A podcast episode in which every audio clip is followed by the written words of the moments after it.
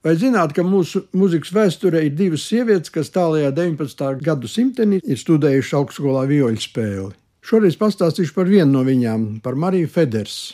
Pirmais iespējas, kas man deva impulsu kaut ko uzzināt par Mariju Feders, bija Leopolda Auvera, slavenā Pēterburgas konservatorijas profesora, absolventu un studentu saraksts.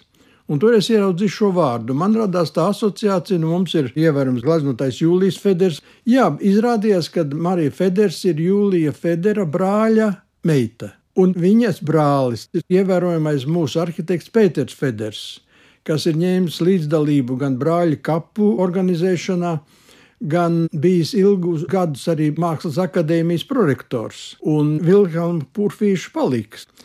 Ko izdevās uzzināt par Mariju Federu? Tad pirmais tas, ka viņa mācījusies pie Leopolda Dauera no 1876. gada līdz 81. gadam.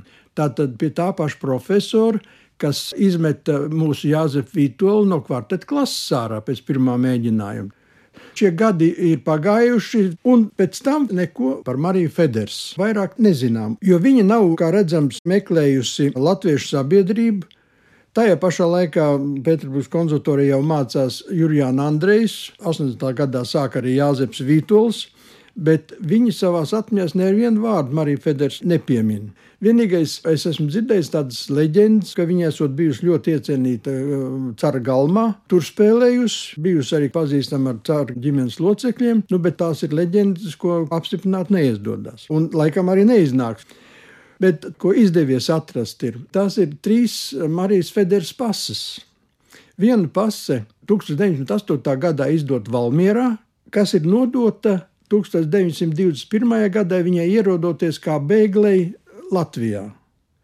Tātad šo pasi viņa ierodoties kā bēgli nodod Latvijā, saņem savu otro pasi, Latvijas pasi, un interesanti, ka tur viņi ierakstīti kā Latvijas pilsone, iekavās Valmieras pilsoni. Un ar šo pasi mēs konstatējam viņas dzimšanas gadu. Tas ir 1863. gads. Pasē atzīmēts, ka viņa ir artiste un pēc tautības latvieta, lai gan paraksts krievu burtiem. Tad otra pasa vēl Latvijā izdot 1927. Rīgas jūrmalā un arī ar fotografiju. Jau cita fotografija, tad divas fotografijas, kas mums ir. Un pēc šīm pasēm mēs arī uzzinām, kur viņi dzīvojas. Tad izrādās, viņi dzīvojas Asaros, Rīgas jūrmalā Asaros, pēc pasas parka ielā divi.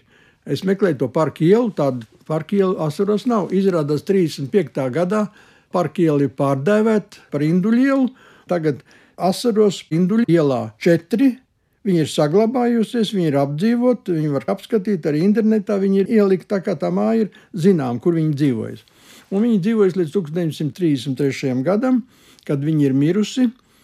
Un tad tā māja pārgājusi viņas brāļa Pētera, arhitekta īpašumā. Bet tāda tā māja ir saistīta gan ar Mariju Federu, gan arī ar Pēteru Federu vārdu. Un interesanti, ka asaru staciju ir projektējis Pēters Feders. Ar Pēteru Federu vēl es gribētu piebilst, ka viņš ir dzimis 1868. gadā Kazaņā. Un tas liecina, ka Marijas Federas bērnība nav pagājusi Latvijā visa. Ka viņa dzimusi Rīgā, bet pirms konservatorijas violas izglītību ir ieguvusi nu, droši vien Kazaņā. Bet tā ir bijusi pietiekoši laba, lai varētu iestāties Pēterburgas konservatorijā un pie tam profesora Auer klasē, kas ir ļoti svarīgi. Un man liekas, ka viņa ir vienīgā noteikti vienīgā Latvija, kas ir pie Aura mācījusies. Es domāju, arī vienīgā no Baltijas valstīm, kas ir mācījusies Aura klasē. Tā tas ir tāds ievērojams fakts. No viņas darbības Latvijā kā mūziķi zinām tikai kādas divas uzstāšanās 1892. un 93. gadā ķemeru vasaras sezonās. Tie ir divi zināmi fakti, kas ir presē atspoguļoti. Kas vēl ir zināms par Marija Feders, ka tajos eh, gados, kad viņa dzīvoja Jurmalā, pie viņas ir mācījušies divi zināmi mūziķi, violnieki Otto Amoliņš, kas gan vēlāk ir nodarbojies ne tik daudz pat ar violu, bet ar pūteju orķestriem, tāds, bet tāds plašs profils mūziķis.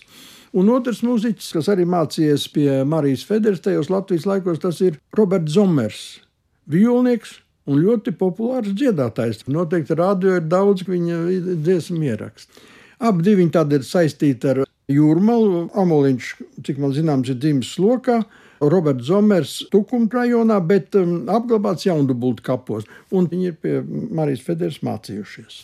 Nu, tas ir tas, ko ir izdevies iegūt. Nu, es domāju, ka vai nu tīri bez pēdām būtu pazudis Marijas Federas arhīvs, varbūt viņš ir kaut kā apvienots ar uh, Pētera Federa arhīvu.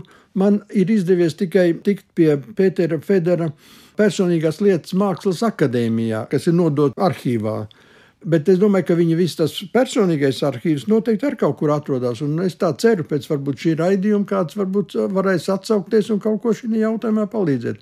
Jo es domāju, ka Marijas Federas piemiņa ir noteikti uzturama, un es drusku brīnos, ka mūsu pētnieki tik maz ir par viņu interesējušies viņas dzīves laikā.